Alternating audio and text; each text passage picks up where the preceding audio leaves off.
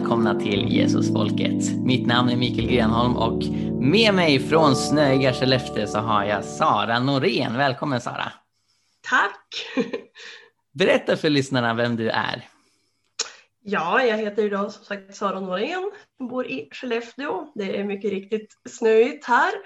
Eh, jag är 32 år gammal, eh, bor med min man Johannes jag jobbar som dietist på deltid och eh, deltid som eh, konststudent. Ja, men toppen. Ja. Och, och, du är en av våra skribenter på Hela Pingsten sedan några månader tillbaka. Ja, men det stämmer. Ja, och det är vi jätteglada för. Eh, jag med. ja, men vad kul. kul.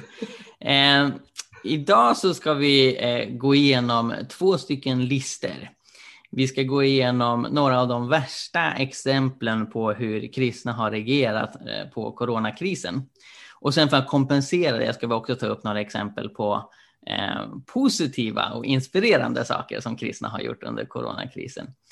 Men innan vi hoppar in i de här listorna så vill jag bara tacka lyssnarna för det här året. Det här är inte bara årets sista avsnitt av Jesusfolket utan eh, vi kör ju lite terminer numera för att eh, ja, men, ge oss lite vila och, och tid för liksom att eh, inspiration och så vidare. Så efter det här avsnittet kommer det vara en liten paus eh, på en månad eller så. Och sen så eh, både jag och den andra Sara, min fru Sara Grenholm, eh, kommer skriva masteruppsatser eh, den här våren. Och, och, det kommer påverka podden förmodligen, så förmodligen kommer det bli varannan vecka istället för varje vecka, men det tror jag att ni lyssnare står ut med. Eh, men med den informationen ur vägen så ska vi hoppa in i exempel på hur kristna har reagerat på corona. Och det, det finns mycket att gräva i och eh, det finns säkert saker som, som vi har missat.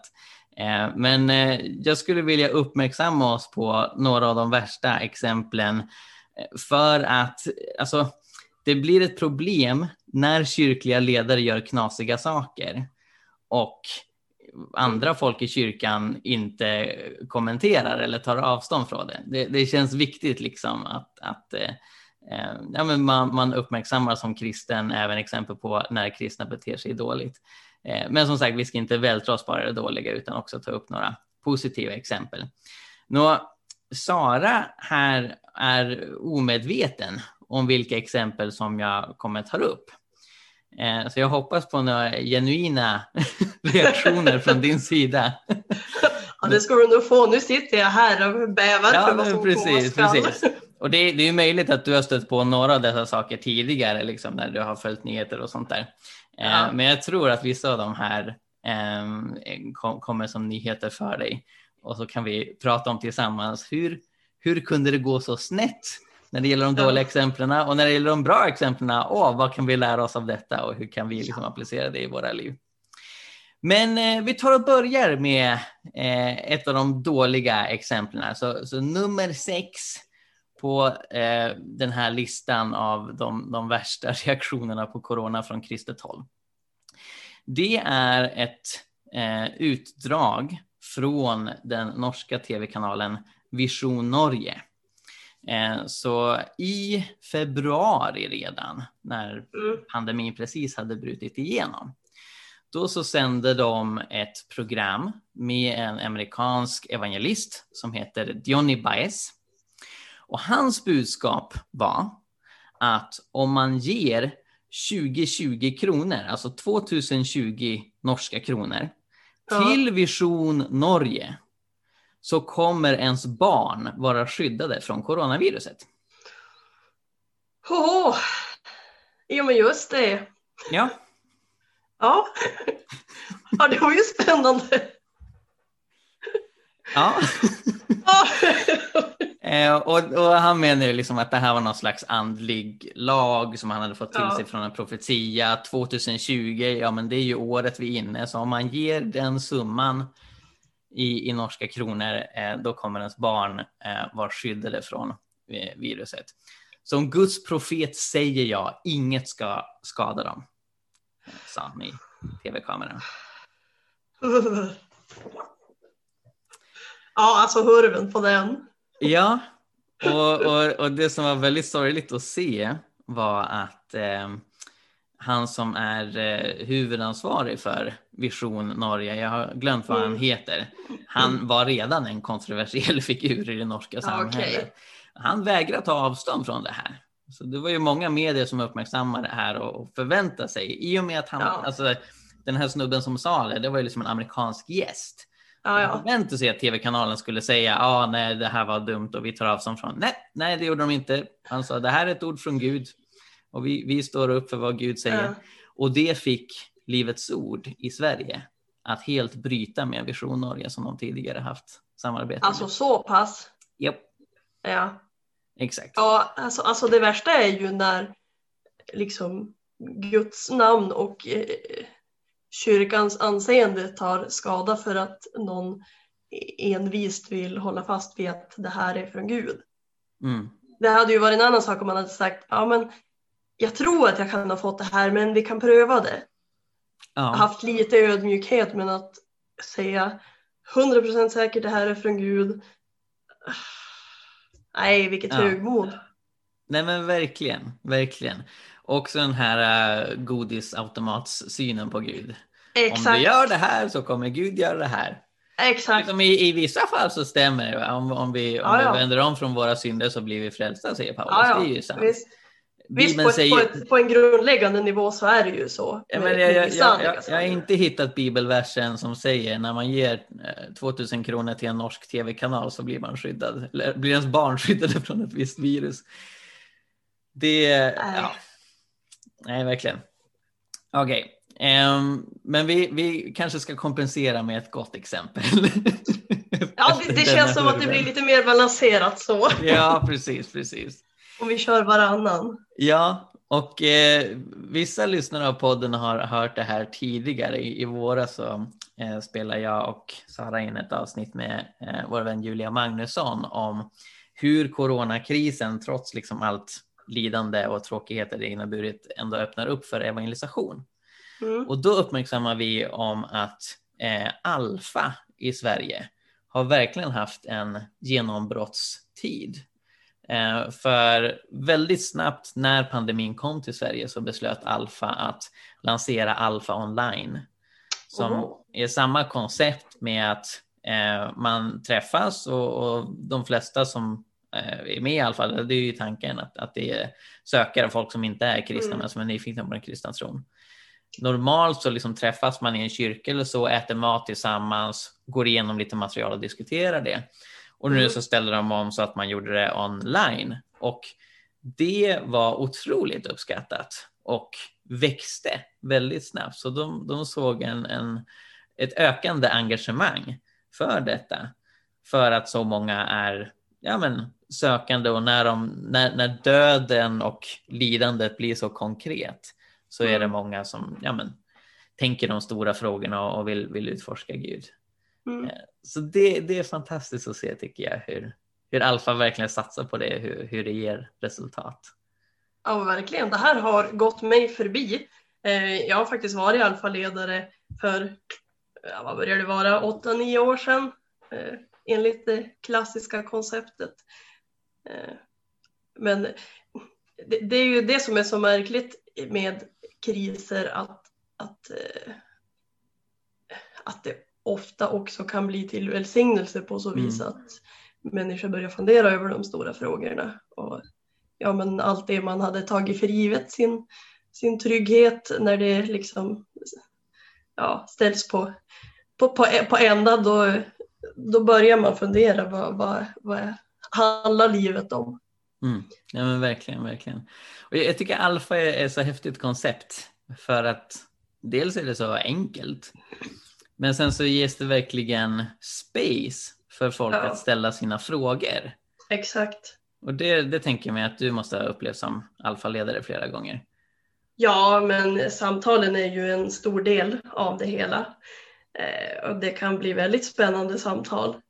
Det är inte säkert att man själv har svar på allt. Det kan ju vara så att deltagarna får en själv att tänka till och fundera och det är ju någonstans det som är intressant och spännande.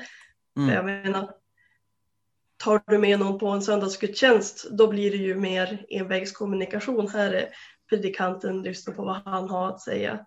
Men, men just att få ha den här dialogen och mm. att mötas, det, det är ju unikt. Mm. Nej men verkligen, verkligen. Men hur har det gått till då när man har, har gjort det online? Har det liksom funnits någon som sitter och bollar frågor eller hur? Ja, alltså som jag har förstått det, det som främst uppoffras det är ju eh, alltså måltiden som ju är väldigt ja. central i alfa. Jag tror att man uppmuntras ja. att liksom se, se, till att du har någon mat till hands. Ja. så äter vi tillsammans digitalt så man fortfarande får den här liksom, ja, men ja. gemenskapen och lära känna varandra. Eh, men sen så, alltså alfa har ju använt sig redan mycket av eh, ja, men inspelat material eh, som, som man tar del av. Det, alltså, många lokala alfagrupper får ju välja. Antingen mm. så liksom visar vi en video från England eller någon liksom inspelad i Sverige eller mm. så liksom tar vi det själva. Ja. Eh, men, men just det här att det finns ja, men, proffsigt inspelat material som tar upp de här frågorna. Men vem var Jesus och vem är den helige ande och sånt där. Mm. Um, uppfattar jag som, som har varit väldigt gynnsamt för Alfa Online. Uh, så, så mitt intryck är att det, det, funkar väldigt bra och det har blivit väldigt populärt om man har sett ett, ett ökat engagemang. Så ja, det men det är ju fantastiskt. Ja.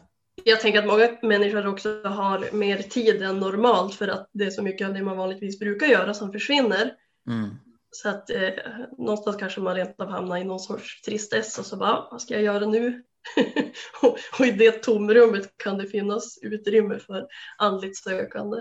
Mm, exakt, exakt.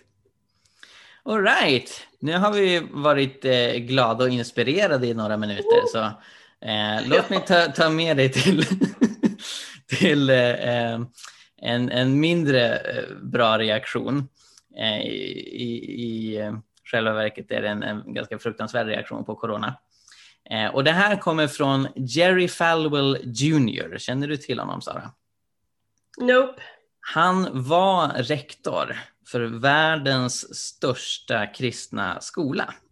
Eh, ja. Liberty University, så det är ett stort evangelikalt universitet i USA eh, där ja, många, många tusen är studenter. Och det är inte bara teologi man pluggar där utan man kan plugga lite allt möjligt men det är väldigt tydlig kristen inriktning. Ja, han fick sparken ganska nyligen för att han själv inte efterföljer de ganska hårda eh, moraliska restriktionerna mm. som, som vilar på studenterna. Va? Så, så medan det råder alkoholförbud och förbud mot eh, utmanande klädsel och så vidare så hade Jerry ett party på sin jaktbåt eh, där det var väldigt avklätt och väldigt mycket alkohol och sådär.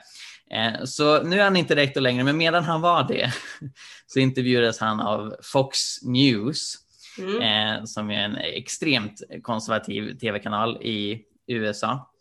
Yeah. Och eh, han pratade där om coronaviruset eh, och han menar att coronaviruset är ett nordkoreanskt eh, biologiskt vapen med syftet att störta Donald Trump. Ja, men just det. Mm. Ja. Mm. Så, så, hans poäng var att ja, de, demokraterna i USA har misslyckats med mm. att, att störta Donald Trump genom att eh, använda sig av riksrätt och så vidare. Eh, så nu kanske det här är deras senaste sätt.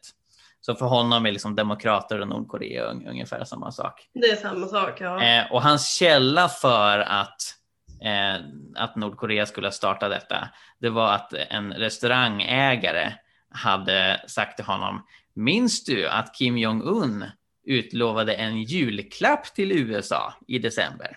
Mm. Mm. Åh, så bisarrt. Ja. Ja, Donald Trump blev visserligen störtad, men eh, jag tror inte vi kan tacka Kim Jong-Un för det. Eller skylla det på han, vad vi, vad vi nu vill. Ja, nej men, nej men exakt, exakt. Och, och, Trump kanske hade haft bättre chanser om han faktiskt hade tagit viruset seriöst och sett till att inte 300 000 amerikaner hade dött av det. Men, exakt.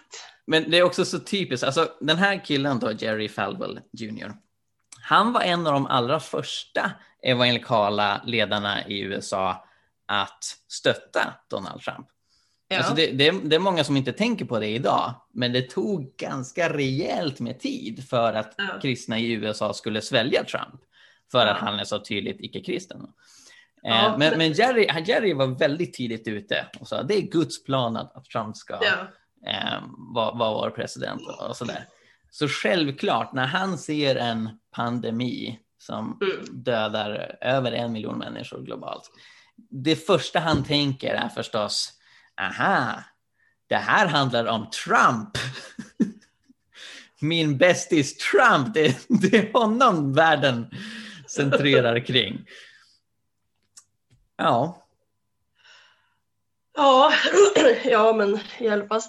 Men det var intressant i alla fall att han var en av de första, för det har jag funderat över hur det kan komma sig att Trump ändå har fått ett så brett stöd bland evangelikalerna, för det är ju egentligen väldigt långsökt. Jag menar, ja.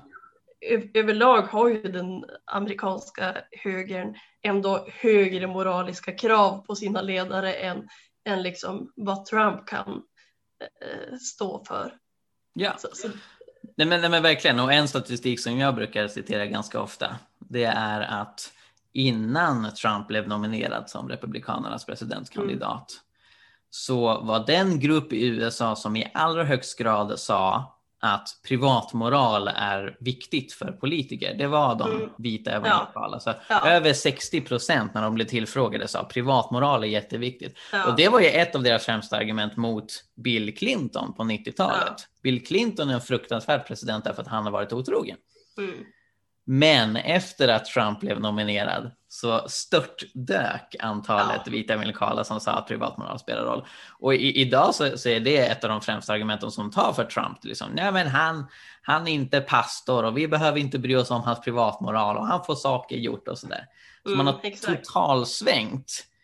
Vilket liksom så här är intressant hur just en person som Trump formar hur vita evangelikala tänker. Ja, men Snar, snarare än att, att Bibeln skulle vara deras enda källa. Så liksom, okej, okay, ja. det republikanska partiet gör det här, okej, okay, då tänker vi om, då ändrar ja. vi vår teologi när det gäller Exakt. hur ja, Snacka om att värdeskalan har förskjutits ganska ja. drastiskt. Ja, oh ja. Oh ja. Alltså tänk om Trump hade varit demokrat, hur hatad han hade varit av de evangelikala då. Ja, naturligtvis. naturligtvis. Och det, man kan ju bara kolla på vad, vad som sades om Obama förr i mm. världen. Eh, att, att liksom, ja, men saker som man klagade om när, när det gäller Obama eh, mm. var ju väldigt, väldigt milda jämfört med vad man skulle kunna säga om Trump. Ja. Men där handlar det ju om att man, man sätter partiet i, i första hand. Så att snarare att, att utgå liksom från bibliska principer i sig själv och liksom med ett kritiskt öga titta på alla politiska ledare. Mm. Så, så man väljer sin sida och sen klagar man på den andra. Mm. Ja, det är det... nästan som att republikanerna blir Gud. Ja, åtminstone så är republikanernas liksom, ställningstaganden eh, otroligt viktiga för vita mm. evangelikala. Eh, till den mån att man ändrar sig. Alltså jag blir väldigt fascinerad över hur, hur man försöker framställa Trump som en fredshjälte och hur väldigt många kristna republikaner i USA liksom pekar på att ah, han får till fredsavtal och, och det är bra. Och ja, fredsavtal är bra, men ja. deras linje under Bush var att krig är toppen. och vi ska inte ha fred och, och vi ska Exakt. stötta Israels krig mot palestinier och, och så vidare. Så liksom tradi traditionellt har ju Republikanerna inte liksom haft fred så högt i julgranen. Men helt plötsligt, när, när det upplevs att, att det gynnar dem, då kör man på det spåret. Och det, det ja, ganska... men man kanske grabbar efter de halvstrån som finns, men snacka om att vända kappan efter vinden. Ja, och Trump har inte varit så fredlig. Alltså det är fler civila som har dödats mm. under Trumps regering än Obama genom drönarattacker och så vidare. Okej, okay, men nu, nu är vi nu är vi sorgsna och ledsna igen, så låt, låt oss prata om något positivt. Ja! eh, och eh, då skulle jag vilja uppmärksamma eh, ja, men hur många kristna församlingar i Sverige verkligen har eh, steppat upp när det gäller att välsigna äldre. Så dels så är det väldigt många körer och församlingsmedlemmar som har ställt sig utanför äldreboenden och sjungit sånger. Och det har skett mycket sånt diagonalt arbete innan corona med skillnad att man faktiskt går in på äldreboenden och sjunger mm. salmer eller gamla väckelsedängor och så vidare. Eh, och snarare än att liksom avbryta det helt och hållet eh, så gjorde man det man kunde av situationen och ställde sig utanför. Och, och det, det, har verkligen spridit sig. Och det finns också så här, nej, men, studentkörer och liksom, i, i, ja. kristna aktörer som har, som har gjort samma sak. Men eh, mitt intryck är att, att kyrkorna verkligen har stått på barrikaderna eller där var väldigt snabba med att göra sånt. Och sen också eh, så har väldigt många kyrkor, inte minst Svenska kyrkan, eh, gjort ett hästjobb vad gäller att köpa mat åt äldre. Och man satte igång med mm. det väldigt snabbt. Att man organiserar, nu, nu ska vi hjälpa äldre att handla så att de slipper gå ut i, i butikerna. Mm. Och det har varit jättehärligt att, att se hur, eh, ja men det, det, är verkligen många kyrkor som, som har ansträngt sig för att eh, de äldre inte ska lämnas i sticket. Ja, men man blir ju varm i hjärtat när man hör om alla sådana insatser. Jag har sett något klipp med eh, kristna som sjunger utanför äldreboenden och det är ju som bara ren och skär glädje alltihop. Eh, jag menar det är ju generellt sett ganska hög medelålder i våra kyrkor. Mm. Att, eh, jag menar antalet människor som har kunnat komma till lokal har ju decimerats kraftigt. Så det, ja, ja, men det är ju något väldigt fint i att vi tar hand om de äldre. Mm. Ja, men verkligen, verkligen. Både inom kyrkan men jag tänker också i samhället så syftar ju mycket av restriktionerna till att, att skydda de som är i riskgrupp och de som är 70 plus. Så mm. Vi har ju ändå gjort mycket för att skydda våra äldre även om det såklart finns en hel del brister rent i hur vi hanterar det från samhällets sida så tycker jag ändå att, att eh, ja, men det finns en, en, en respekt ändå mm. för de gamla det är kanske någonting vi ibland anklagas för att inte ha, att, att inte ta så väl hand om våra gamla. Så jag tycker ja, det, är, ja, det är någonting väldigt fint med att, att pandemin tar, tar fram omsorgen mm. och utmanar oss att, att eh, på olika sätt ta hand om dem som plötsligt blir väldigt isolerade och ensamma och begränsade. Ja, nej men verkligen, verkligen. Och det, åh, jag tycker det är så, så skönt. Dels då när det gäller diakonin till de äldre, också när det gäller flyktingar, när det gäller mm. EU-migranter. Alltså på de här områdena så har kyrkorna i Sverige verkligen stått längst fram och gjort jättemycket och, och varit snabba och tagit initiativ och så vidare. Och det är i synnerhet kanske när vi just blickar mot det stora landet i väst så kan vi få intrycket att liksom, ah, kyrkorna är sämst. och, och, de är långsamma. Så liksom, kyr, kyrkorna erkänner klimatförändringar 30 år efter de andra. Men, men må, många gånger så blir vi liksom förblindade. För liksom det, ja. Tack och lov. Och, och, det är ju dessutom, alltså, även i USA så finns det en stor variation. Alltså, där är de afroamerikanska ja. kyrkorna väldigt bra när det gäller ja. fred och rättvisa. Utan det, det är mest de här vita evangelikala som ställer till det. Och, eh, Exakt, och det är de vi hör om också. Ja, men precis. Och, och tack och lov så vi, vi vita evangelikala i Sverige är, är inte lika, lika nere i träsket. Utan, eh, det, det, har ju Joel Halldorf också sagt, liksom att, att eh, eh, den evangelikala frikyrkan i Sverige är, är mer lik afroamerikansk kristenhet än ja. vit amerikansk kristenhet. Eh, och det, det, är ändå uppmuntrande att se just hur ja, men vi, vi steppar upp när det gäller diakoni och som många kyrkoledare har sagt, vi ställer inte in utan vi ställer om. Mm. Så det, ja, det inspirerar. Och jag tänker att, att det här arbetet kanske på, alltså skulle ha pågått ändå men att det synliggörs. Ja, ja jag, på ett annat sätt. Exakt. Ja, men verkligen. För det är, ju, det är ju egentligen inte så att vi inte gör de här grejerna normalt sett. Nej, liksom, men absolut. Omsorgen om de gamla. Men nu syns det extra tydligt. Ja, men precis. precis. Ja, men alltså det är härligt. Men eh, något som inte är lika härligt, det är hur Kenneth Copeland oh, har no. reagerat på oh, no. coronakrisen. Kenneth Copeland är framgångsteologisk predikant som har hållit på ganska länge. Jag tror han själv är över 70 nu. Mm. Eh, han är snuskigt rik. Han har en eh, villa värd 6 miljoner dollar.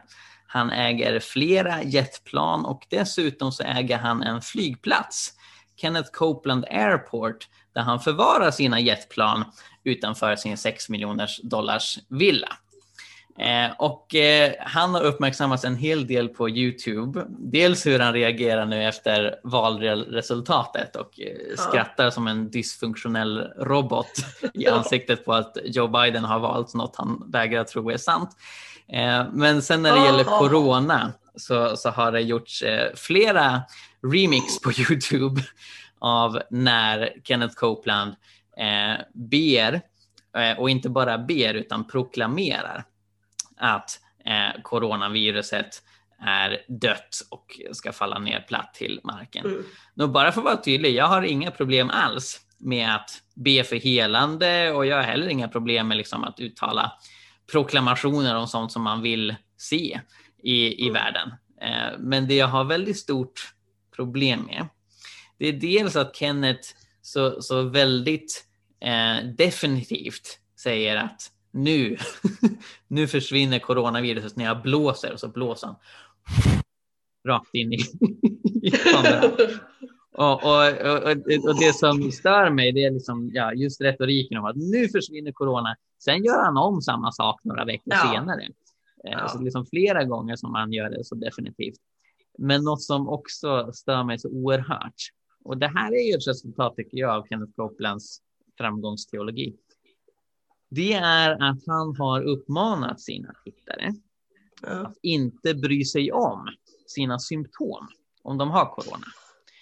Så han sa så här. Eh, Now say I take it, I have it, it's mine. Då pratar han om liksom helandet. I thank you and praise you for it. According to the word of God, I'm healed. And I consider not my own body. I consider not symptoms in my body, but only that which God has promised. Så den argumenterar för, okej, okay, du har corona, du har symptom, bry dig inte om det.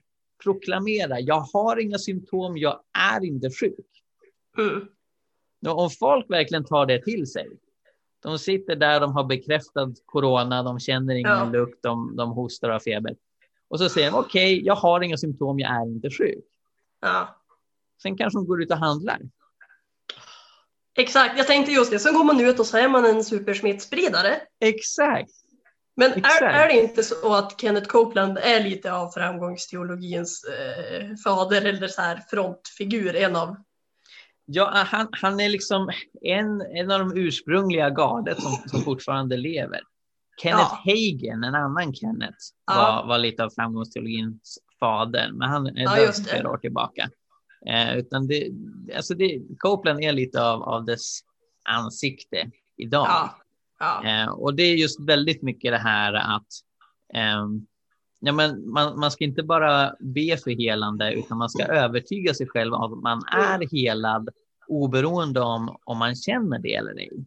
Ja. Och, och alltså det sättet att tänka gör ju att när det gäller infektionssjukdomar så liksom kan man intala sig själv, jag är frisk, trots att det inte verkar ja. så. Men om man inte är frisk, vilket inte finns några bevis för än så länge, så, så kan man ju sprida det vidare. Eh, det finns också exempel på liksom, folk som har brutna ben och sen framgångsteolog ja. som säger ja men du, du har inget brutet ben, du är frisk, mm. okej okay. och så mm. tar de av sig gipset och börjar gå och så faller de pladask och skadar sig ännu mer. Alltså, ja det, men det alltså, jag känner mig närmast allergisk mot den här typen av teologi. Jag jobbar ju dessutom inom sjukvården och det känns som att ja, liksom snacka om att man underminerar eh, kyrkornas förtroende om man ska ja. på, på det här viset. Nej, men för det är svårt att skilja det från manipulation. Ja, det är ju manipulation. Det, det, det, är att ljuga för sig själv. Alltså, det är ju fantastiskt. Man ber för ett helande och så ser ja. man, åh, jag har blivit frisk. Ja, och så kan, man gå, så kan man gå till läkaren och de säger, åh, det har skett någonting som vi inte kan förklara, ett dokumenterat mirakel. Så gillar vi. Men liksom att man ska gå, gå omkring och säga jag är frisk, jag är frisk. jag är så frisk, jag är så frisk. Alltså det, det blir ju bara patetiskt. Ja, det är ju självbedrägeri och, och, och jag vet inte vad, vad gör det Gud till? mm. kan man ju också undra. Nej men verkligen, verkligen. Alltså, och, det, och hur intresserad är man av, av sanning om man ska gå och upprepa en lögn för sig själv? Det kan ju vara så ja. att man får ibland så att man får tro för saker, men då är det ju Gud som ger tron, inte jag själv som liksom ska krysta fram den och bara Åh, jag har så mycket tro, jag tror lite till då. Uh. Nej men verkligen, verkligen. Och en annan sak som är typiskt framgångsteologisk anda som Kenny Copeland har sagt. Mm. Det är då att folk som förlorar sina jobb som ja. konsekvens av pandemin ska självklart inte sluta ge tionde till Kenneth Copeland Ministries. Utan Gud vill att de ska fortsätta ge i tro och även om det ser dystert ut och du har ingen inkomst så fortsätt ge tionde bara. Vilket är ganska bisarrt, för själva grejen med tionde är att det ska vara 10 procent av ens inkomst. Så det är Exakt. väl högst rimligt att det pausas när man inte har en inkomst. Exakt. Men Kenny, alltså Kenny, han, han, han vill ha sina pengar och han vill, han vill ha fler jetplan tror jag. Ja, alltså Nya Testamentet har ju ganska skarpa ord att säga om, om sådant. Ja, oh ja. Minst oh ja. sagt. Ja, det, ja. det är rätt så bisarrt. Det, det är orättfärdigt i allra högsta grad. Ja, nej men verkligen, verkligen. Och det, man, man skulle kunna säga mycket om, om Kenneth Copeland, men jag hoppas att, att han vänder om. Jag blir väldigt uppmuntrad att se att det är faktiskt några eh, framgångsteologer, bland annat Benny Hinn, ja, som på sen, senare tid har sagt eh, jag hade fel, framgångsteologi ja. stämmer inte. Ja. Eh, vi, vi har utnyttjat människor och vi har krävt pengar av människor och, och där. Ja, exakt. Och det, det, det är lite så här surrealistiskt att se det när de hållit på i flera decennier. Att mm. mjölka pengar från fattiga människor för att de själva ska leva i lyxigt villor. Ja. Men ändå uppmuntrande att se, okej, okay, men Gud, Gud kan röra vid deras hjärtan och, och ja, men exakt. Och vända om. Exakt. Det, det, är ju liksom någonting bibliskt över det hela ändå när, när man får se en genuin omvändelse och en, och en ånger när man kommer på att nej, men det här har inte varit rätt. Jag har utnyttja Guds namn, jag har utnyttjat människor. Mm. Ja, så det, det hedrar ju ändå honom att han, att han kan gå ut och, och stå för sina misstag. Mm. Ja men absolut, absolut. All right, ska vi ta ett positivt exempel för att ja! söka upp för Kenneth Copeland? Eh, och då skulle jag vilja peka på hur kristna i Kina tidigt reagerade på coronaviruset. Alltså Kina ja. har ju en väldigt stor kristen minoritet. Och den kinesiska regeringen försöker låtsas som att den inte finns där.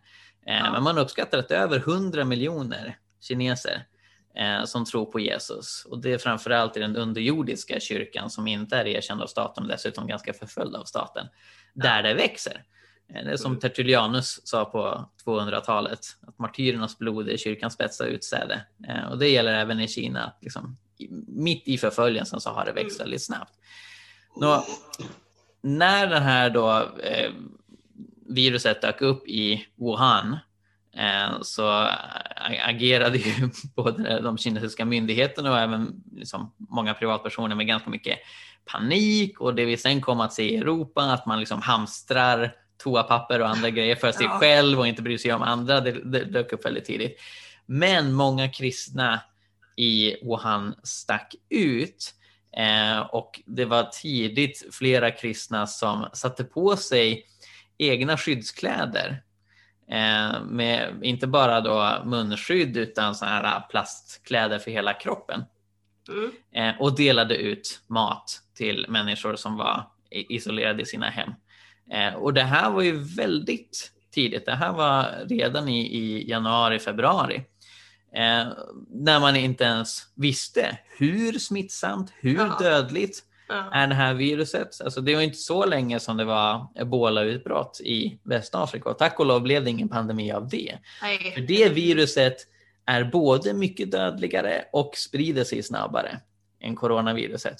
Mm. Och trots liksom allt det fruktansvärda vi har upplevt med coronavirus så ska man komma ihåg, det här är en relativt mild pandemi jämfört med vad som kunde ha varit. Ja. Och de här kristna visste inte hur svårt eller milt det skulle vara. Eh, men de bestämde sig för att vi ska älska vår nästa. Så de satte på sig såna här gula plastdräkter och de blev snabbt kallade i Wuhan för de gula änglarna. Som gick runt och ja, men med, med risk för sina egna liv egentligen eh, hjälpte människor och, och gav dem de resurser som de behövde. Ja, hurra! Ja, och jag, jag, tror inte att de sa nu är det viktigt att ni ger oss tionde även när ni blir arbetslösa, Nej. utan det var ren självutgivande kärlek. Ja, men vad fint att höra. Jag, jag sitter här och bara ler för, för att jag blir glad. ja, och, det, och, och, ja, och grejen är så här, de här dåliga exemplen, som sagt, det är viktigt att vi, att vi kommenterar och tar avstånd från dem för att det, det är många som tänker, ja, ah, kristna, de är som Kenneth Copeland. Men nej, det, det, här är mer Jesus-lik kristendom ja, och det, det, är många, tack och lov, runt om i världen som, som tänker så här och som, som vill leva så här.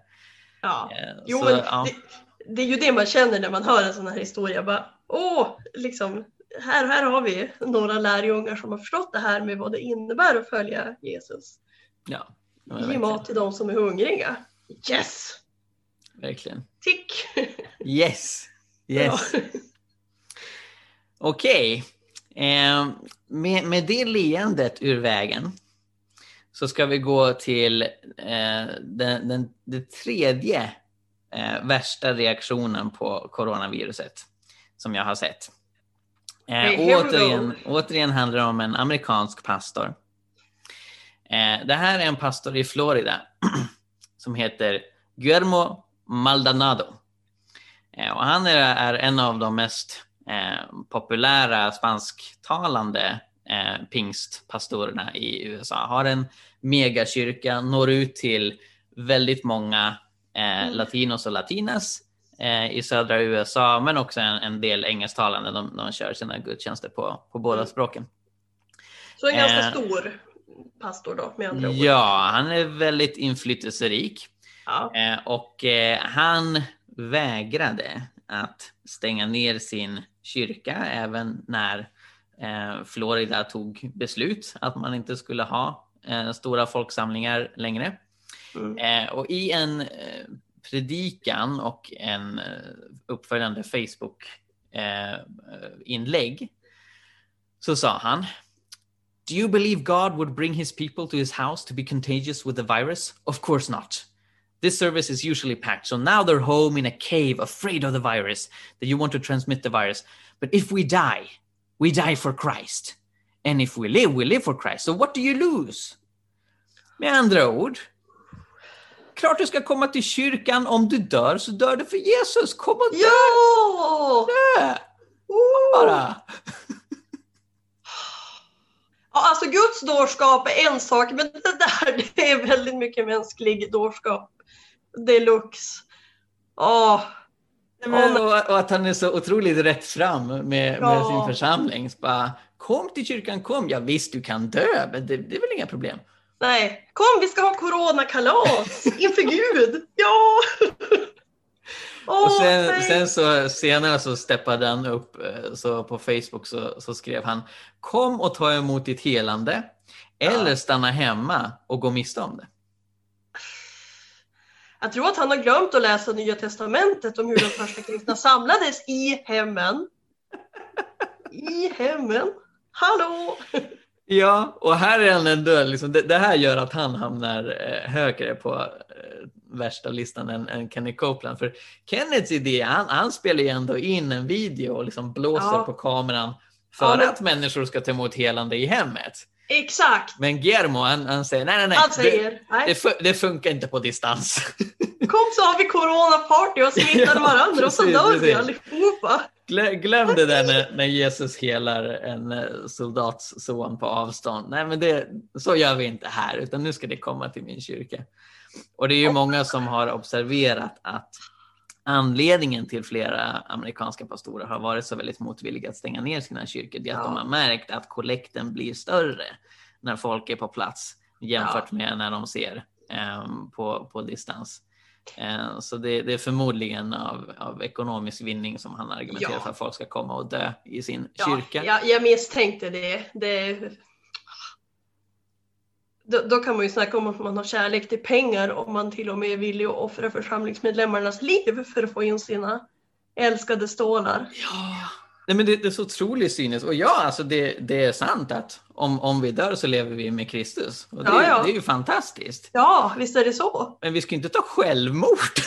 Nej, exakt, exakt. Det är ju mer som en liksom, glädje under alla förhållanden. Att, att lever jag så lever jag för Kristus och dör jag så dör jag för Kristus. Inte att nu ska jag söka döden men verkligen. genom att vara dum och ignorant.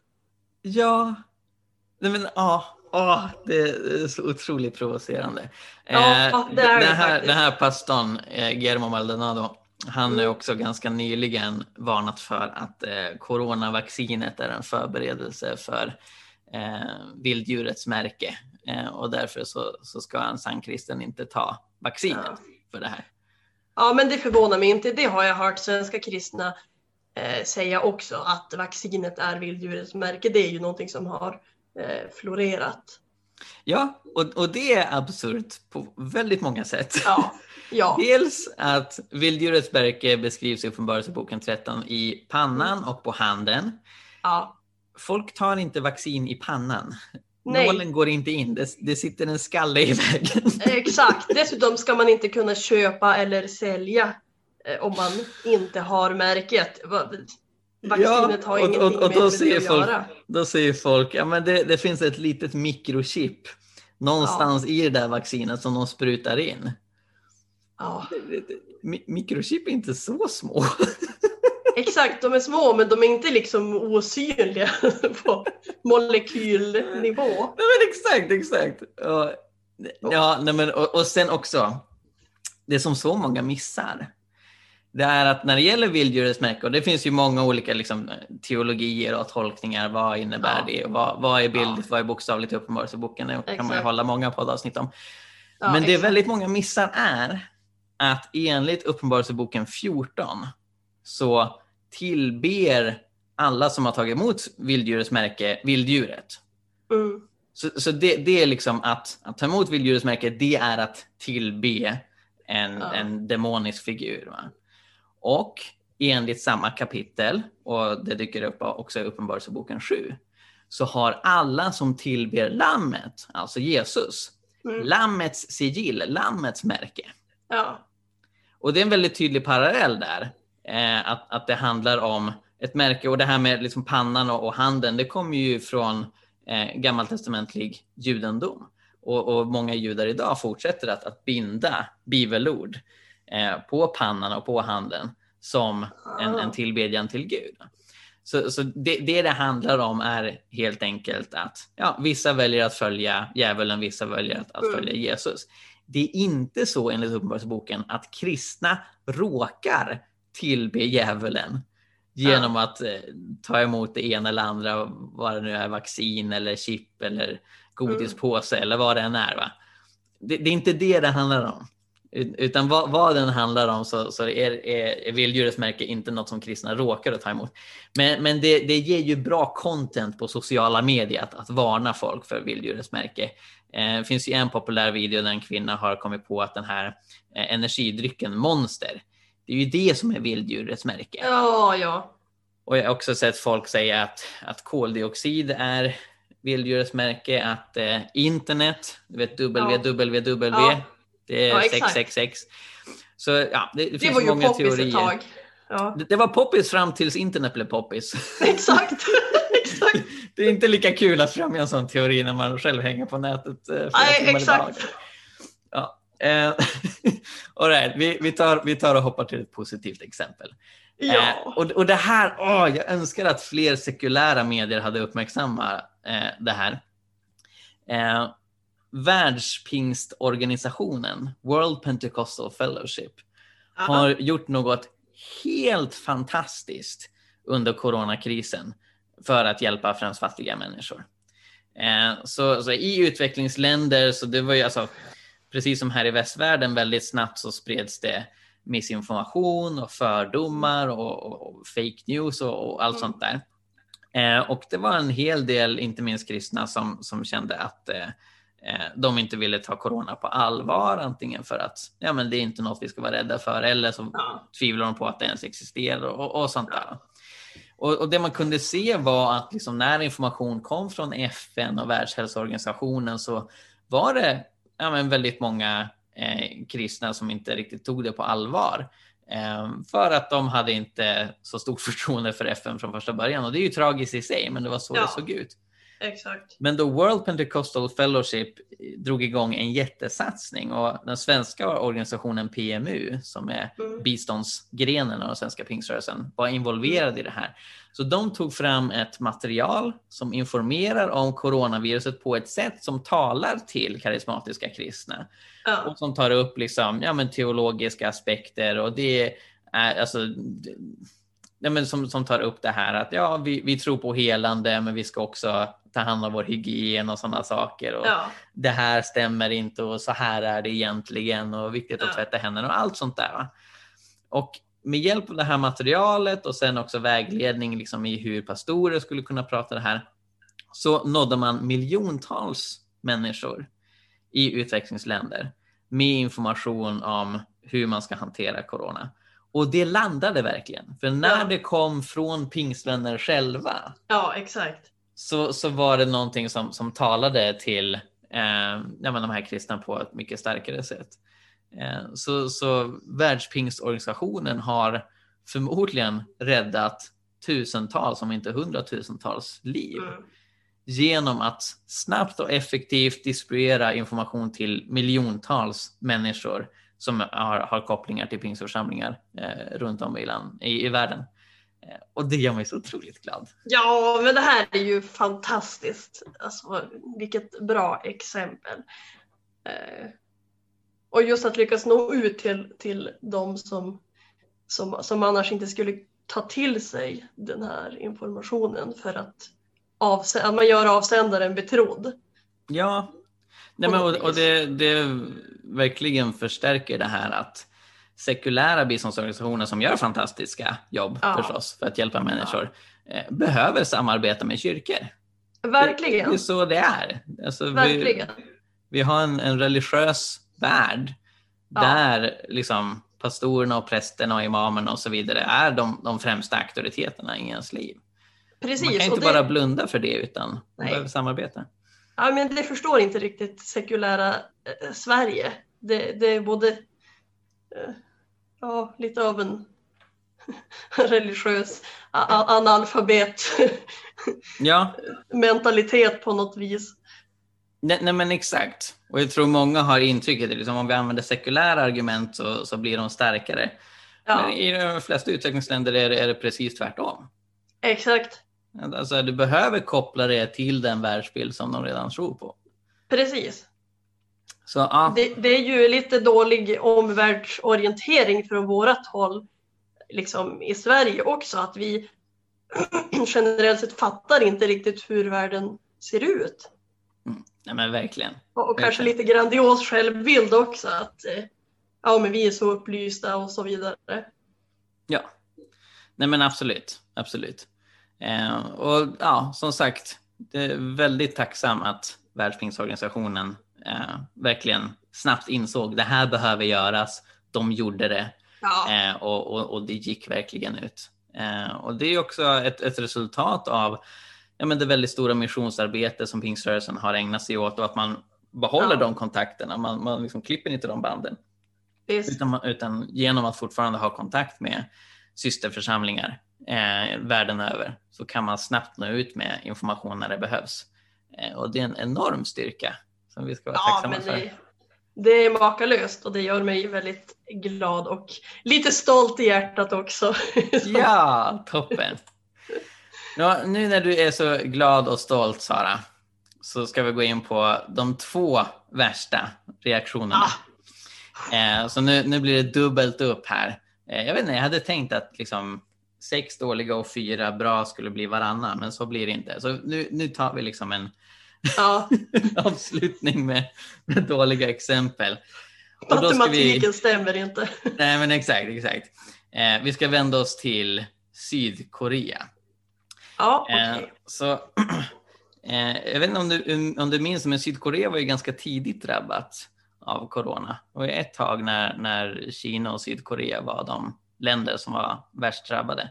Sen så Mm. lyckades Sydkorea verkligen vända det här och så det gäller väldigt många asiatiska länder att de snabbt kunde Ja. isolera, sätta folk i karantän och, och sådär.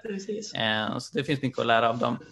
Eh, men man såg också ganska tidigt att eh, det var några kyrkor som, som eh, tyvärr var liksom center för smittspridning Ja. i, i Sydkorea. Och en av de här kyrkorna eh, som inte är, vad ska man säga, en, en särskilt eh, eh, lärotrogen evangelikal kyrka, utan jag misstänker att de har lite mix med, med andra idéer och, och traditioner. Eh, och vi kommer komma tillbaka till det. Eh, men ja, jag, jag blev helt ställd när jag såg det här.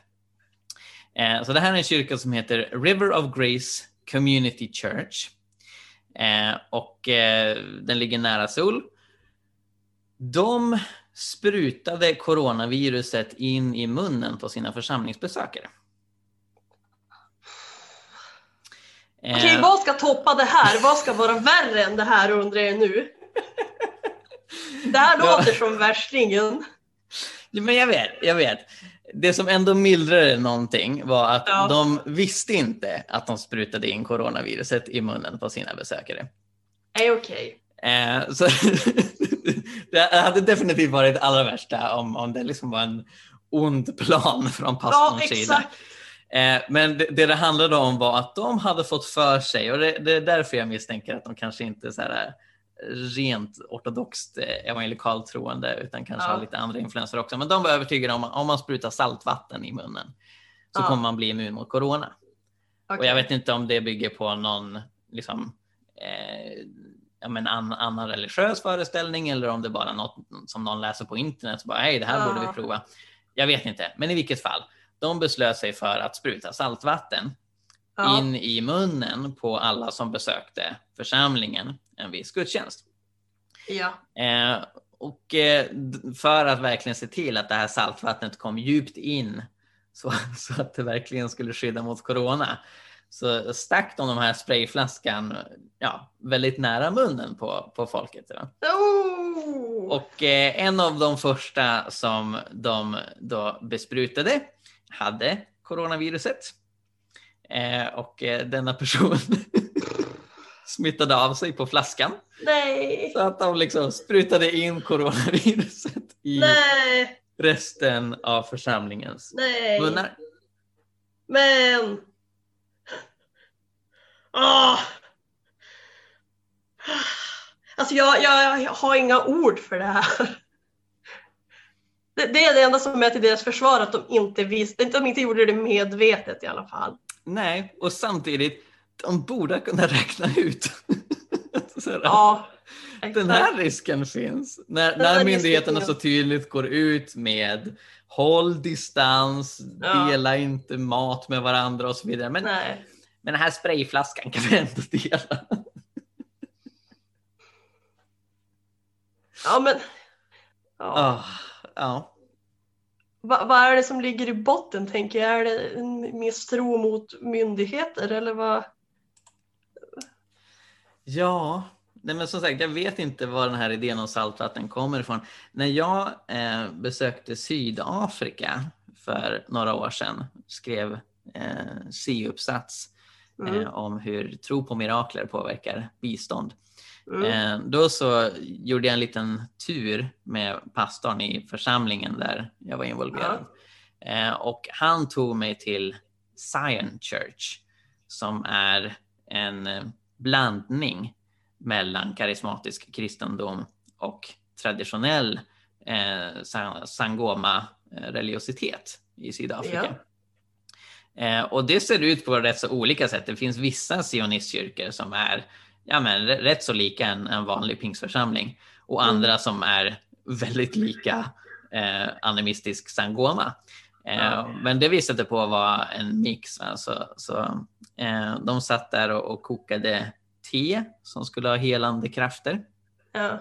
Och det var ett litet stängsel runt kyrkan. Vi stod precis vid grinden. Eh, och pastorn pratade med dem på Siswati som jag inte förstod. Och sen vände han sig till mig och sa för vi hade ju tänkt gå in och kolla lite på hur ser det ut där. Jag hade aldrig varit i en sionistkyrka. Eh, men han sa they saying that if we uh, cross the gate, they have to spray water on us first. Water, sir. Yes, salt water. I don't like when they spray the salt water on me. no, we can skip it. Yeah, we skip it. så vi, vi fick aldrig se nationalistkyrkan. Så, det, så det, det, det, är därför när jag liksom stöter på det här sydkoreanska, då tänker jag direkt, okej, okay, det är kanske någon liksom, religiös ja, men... föreställning från något annat håll. Men som ja. sagt, så det, det, det, saknas ju inte liksom, teorier på nätet. Ja, svälj Nej. lite silver eller stå på händerna eller liksom, gör, gör någonting ja. så slipper du corona. Ge ja. 2020 kronor till en norsk tv-kanal. Nej, men exakt. Och det ska vi komma ihåg också att, att konstiga idéer florerar ju inte bara i den kristna kyrkan. Alltså, exakt. jag menar, vi kan ju gå till new age-kretsar och eh, stöta på en del sådana här märkliga idéer också. Ja. Nej, men, nej, men verkligen, och, och islamska ledare i eh, Iran sa ju att eh, ja, den, den, som tror på Gud kommer inte få corona. Sen fick de corona själv. Ja. Fick stå i skamvrån. Så det, det, finns ju många exempel från många olika håll. Det, det kanske är lite, lite av en äh, ganska mänskligt att äh, inte liksom vilja ta till sig hur allvarligt det är och söka mm. enkla utvägar. Ja, och har, man då en tro av något slag så hakar man upp, upp det på den. Liksom. Ja. Gud ska skydda oss eller den här metoden eller ja. Nej men precis, och det blir lite magiskt tänkande. Precis. Precis. Det är inget fel att tro på Guds helande, men liksom när man tänker att det ska vara garanterat, då handlar det om att Gud blir ens betjänt mer än Precis, en herre. Mm. jultomten. Ja, exakt, exakt. Gudtomten. Vi tror på något bättre än tomten. Ja. Men eh, Sara, är du redo för den absolut värsta kristna reaktionen som jag har sett alltså, på corona? Alltså jag bävar för vad som komma skall efter det här. Okej, okay. tell me. Okej. Okay. Kände du till Rodney Howard Brown? Tror inte det. Eh, ytterligare en eh, pastor i USA. Eh, han kommer faktiskt från Sydafrika ursprungligen men har varit i USA ganska länge. Han var väldigt involverad i eh, Toronto-förnyelsen eh, på 90-talet, den så kallade skrattväckelsen. Ja. Eh, så han var en del av det, inte den enda som var involverad, men, men eh, ja, han, han, var ganska central i det. Mm. Eh, och har ja, men, liksom lett väckelsemöten sedan dess. Är pastor för en megakyrka i Florida, han med. och han är helt sanslös. Det, det, det, det, här är, är något av det absolut värsta kristna ledarskapet jag någonsin har sett. Ja, så, så illa. Rodney, precis då som, som eh, Guillermo i samma delstat, eh, Rodney vägrade ju då stänga ner eh, sin kyrka, argumentera för att eh, självklart ska vi komma till kyrkan och självklart för att visa att vi inte är rädda för corona så ska vi krama varandra. Så varsågod alla i församlingen, krama varandra och se, se att, ni, att ni inte är rädda. Eh, och han, han eh, var, var fruktansvärt arg på de församlingsmedlemmar som valde att inte komma till kyrkan. Han var väldigt arg på de myndigheter som insisterade på att han skulle eh, stänga kyrkportarna och liksom hålla ja. gudstjänster online istället. Till den grad att han blev arresterad. Så, så han hamnade inför rätten och sen friades han. Eh, jag förstår inte riktigt varför, för jag, jag, tycker det är ganska tydligt exempel på hur han vägrade lynda myndigheten. Men det kanske var att ja. han inte haft något, något kriminellt förflutet och sådär. Eh, men i vilket fall, sen har han fortsatt eh, då med sina galenskaper. oh, nej. Så han, han har sagt att eh, varje person som tar eh, vaccinet kommer mm. dö. Ja. Ja. Så all, och det gör man inte av corona eller? Nej, utan, utan, utan vaccinet är egentligen ett gift, eh, ja. menar han. Ja. Eh, och eh, han har ganska nyligen i november eh, sagt att Eh, coronavaccinet är en, en satanisk plott för att förändra människors DNA och ta emot, eller ta, ta bort gudsfaktorn i ens DNA så att man inte längre kan känna eller tro på Gud. Alltså det var det mest befängda jag har hört. Jag förstår varför det blev nummer ett. Ja, så det är liksom, det, det är eh, två, två i en vaccin. Va? Så inte nog med Nej. att du dör, utan du dör som ateist. Ja, det, det var väldigt ondskefullt. Ja, men sta, stackars Rodneys gudsbild. Alltså tänker han säga att jag tror på Gud för att mitt DNA är programmerat för att göra det. Eh, Om de förändrar mitt DNA så kan jag så blir jag Ja. ateist. ja, jag skulle inte ens ha kommit på något sånt här i, i mina vildaste fantasier. Nej, nej men verkligen. Verkligen. Nej, men det, det är helt bisarrt. Eh, Ja. Rodney är också förstås en otroligt passionerad eh, Trump-supporter. Eh, och på sin Twitter så har han liksom, han, han, har, han har varierat, gått fram och tillbaka mellan att eh, dels eh, fördöma valresultatet och argumentera Ja. att Trump måste fortsätta vara president liksom, oavsett eh, Mm. vad som händer i valet. Eh, och sen också då det här med, med att coronavaccinet är hemskt och naturligtvis så, så ska vi ses i stora gudstjänster och krama varandra. Ja, Eh, han la ut en bild på hur, han, han sa, ah, här har vi en, en bild på ledarskapet för partiet Demokraterna. Eh, och det var en väldigt bisarr bild när någon liksom hade photoshopat ett gäng människor som verkligen hade huvudet i röven på varandra. Så de, de stod i en cirkel. Och det, det såg väldigt bisarrt ut, för man, man brukar inte se liksom, människor på riktigt har, har huvudet i rumpan på någon annan. Eh, men men det, det var liksom hans bild av det där. Och jag Ja. skrev till honom på Twitter, men pastor Rodney. är, det Let verkligen, tell you something. är, är det verkligen så här som, liksom, som, som vi ska bete oss som kristna? Ja, eller Jag blev hur? väldigt provocerad av det. Alltså. Så, så jag blev privat kontaktad av självaste Rodney Howard Brown. Eh, som dels sa åt mig att eh, sluta vara kommunist. Eh, och sen så Där sa kom han, den. Där kom den.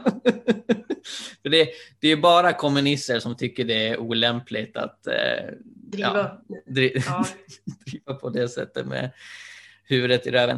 Eh, men, och sen så sa han att eh, jag, jag ser att du är svensk och du ska inte bry dig ett dyft om vad som sker här i USA, vilket är ironiskt för att liksom, han själv är sydafrikan.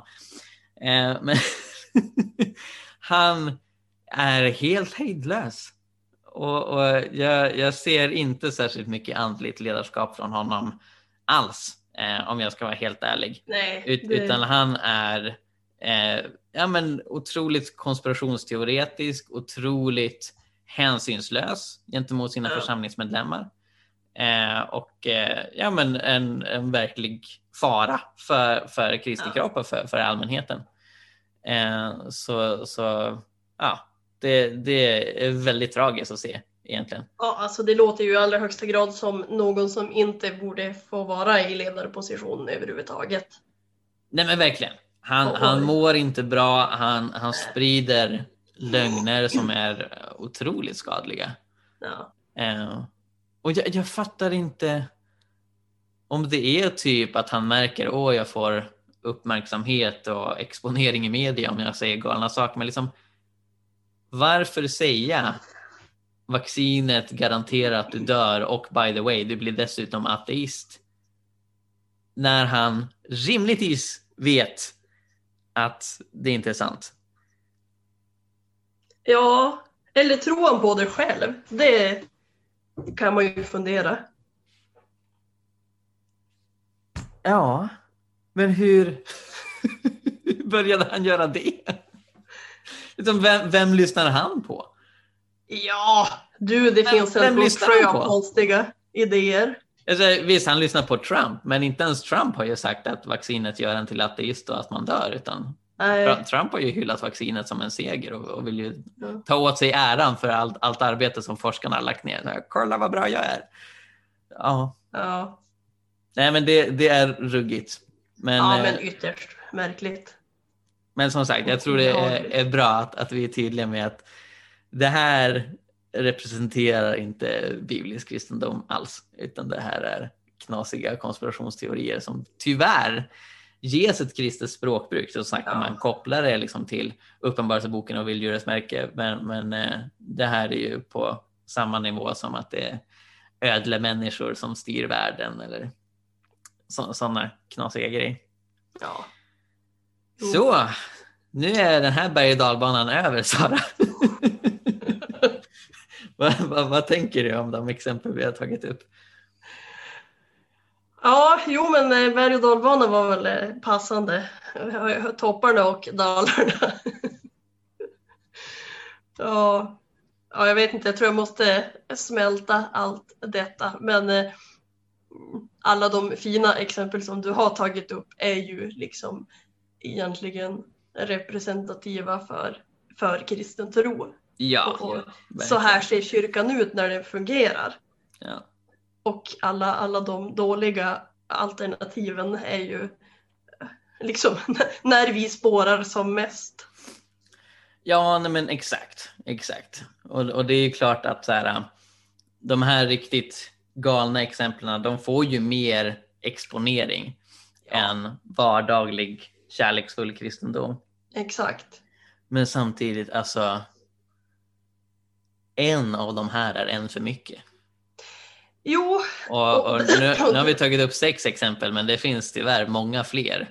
Ja, jag tror men som, som du nämnde, det är faktiskt en hel del kristna i Sverige, en minoritet, men det finns en hel del som har blivit ja. antivaccinationsövertygade ja, ja. och, och, och varnar för det här coronavaccinet och sådär. Precis.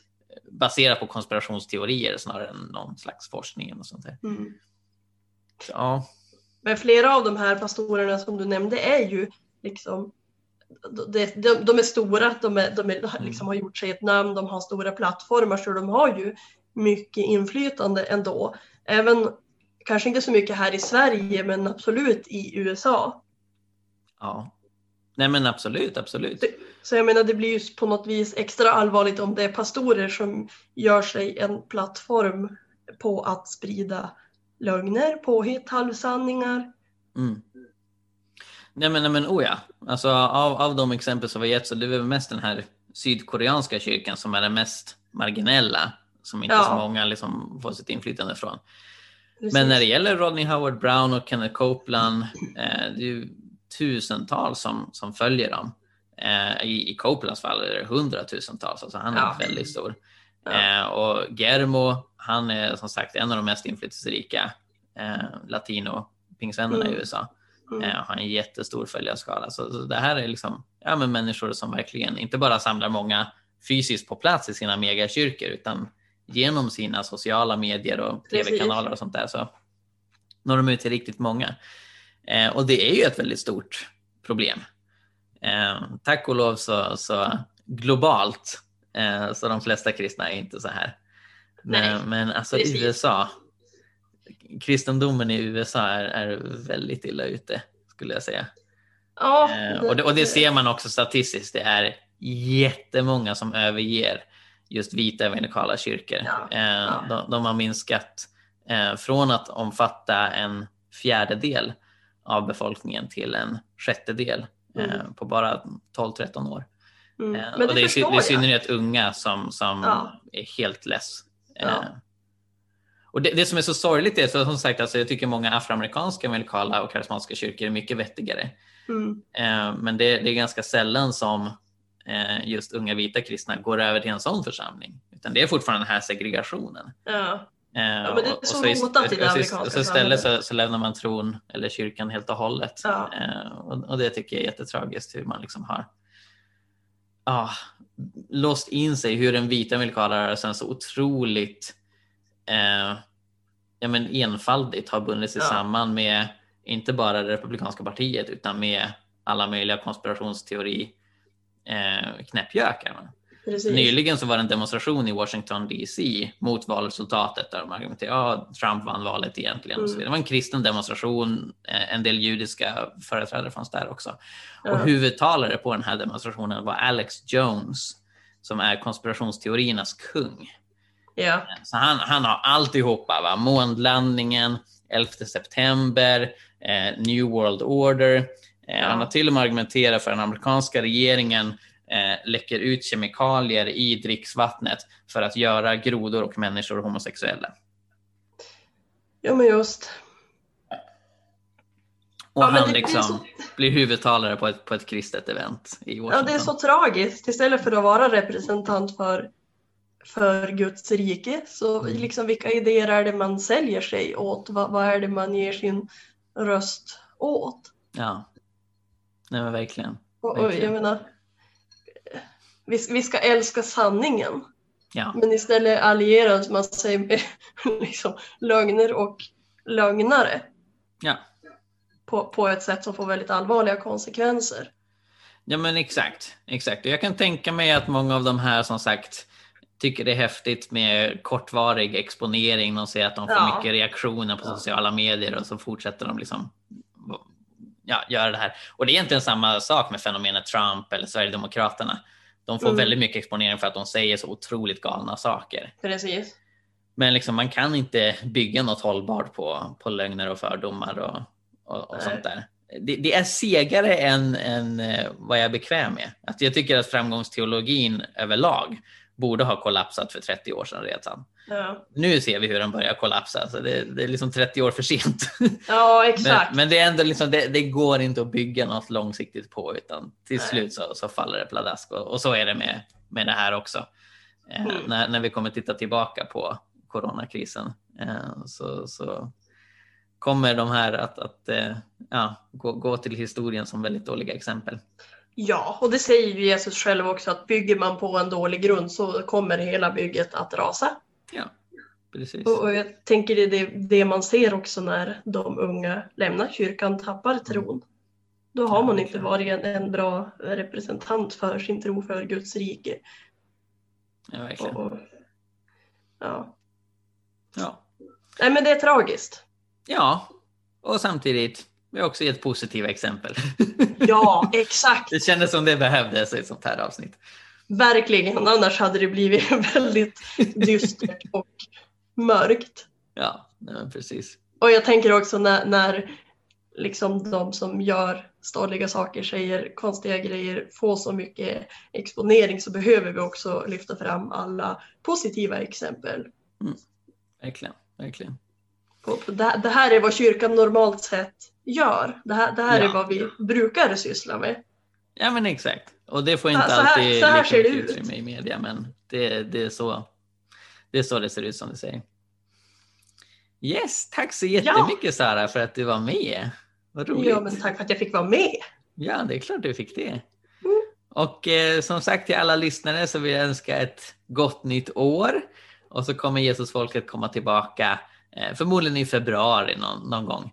Eh, så det ser vi fram emot då. All right, Gud välsigne er och eh, ha en fin fortsatt dag.